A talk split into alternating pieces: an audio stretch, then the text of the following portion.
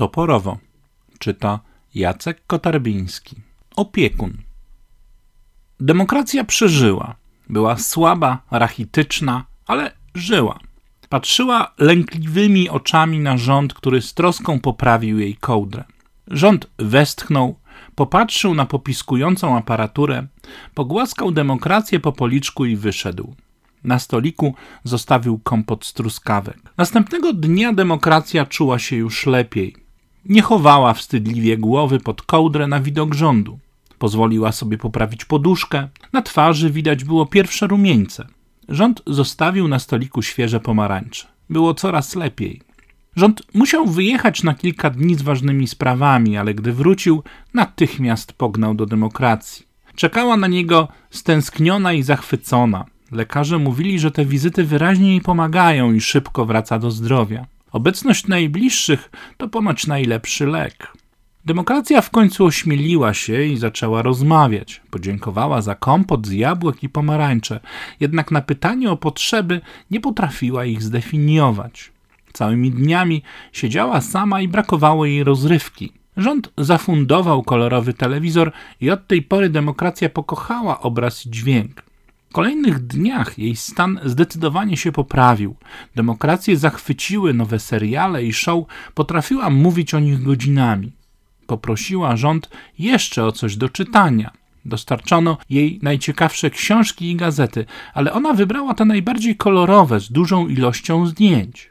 Od kiedy demokracja spostrzegła, że rząd spełni każde jej życzenie, przy każdej wizycie, coraz odważniej prosiła o coś nowego nowy telewizor HD, automat z chipsami i kolą, baterie z prośnych filmów i posiłki z restauracji, bo kuchnia szpitalna, choć doskonale wyposażona, nie była w stanie zaspokoić jej oczekiwań. Rząd znów wyjechał na kilka dni z ważnymi sprawami. Kiedy wrócił, czekała na niego nafoszona demokracja. Telewizor był za mały, HD to nie 3D, za mało seriali, za słabe gazety kolorowe, filmy słabo sprośne, chipsów za mało, kola za szybko się kończy i posiłki z restauracji zbyt monotonne. Rząd wydał niezbędną dyspozycję spełnić wszystkie oczekiwania demokracji. Kto się przeciwstawi, kulka w łeb.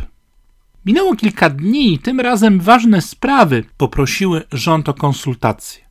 Było źle, bardzo źle.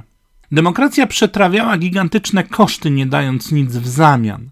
Rząd zobaczył rachunki i zadrżał. Schował wszystkie doteczki i pobiegł do szpitala.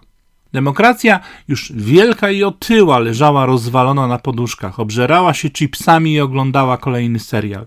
Trzeba coś z tym zrobić. Rząd dopiero teraz zauważył, jak bardzo schudł w porównaniu z demokracją.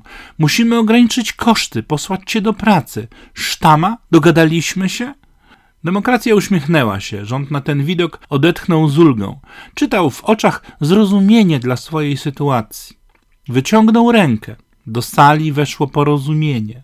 Demokracja wytarła tłuste palce od chipsów w świeżą pościel. Beknęła z uśmiechem, po czym wyciągnęła rękę. Przed rządem i porozumieniem błyszczał od tłuszczu sztywno stojący środkowy palec.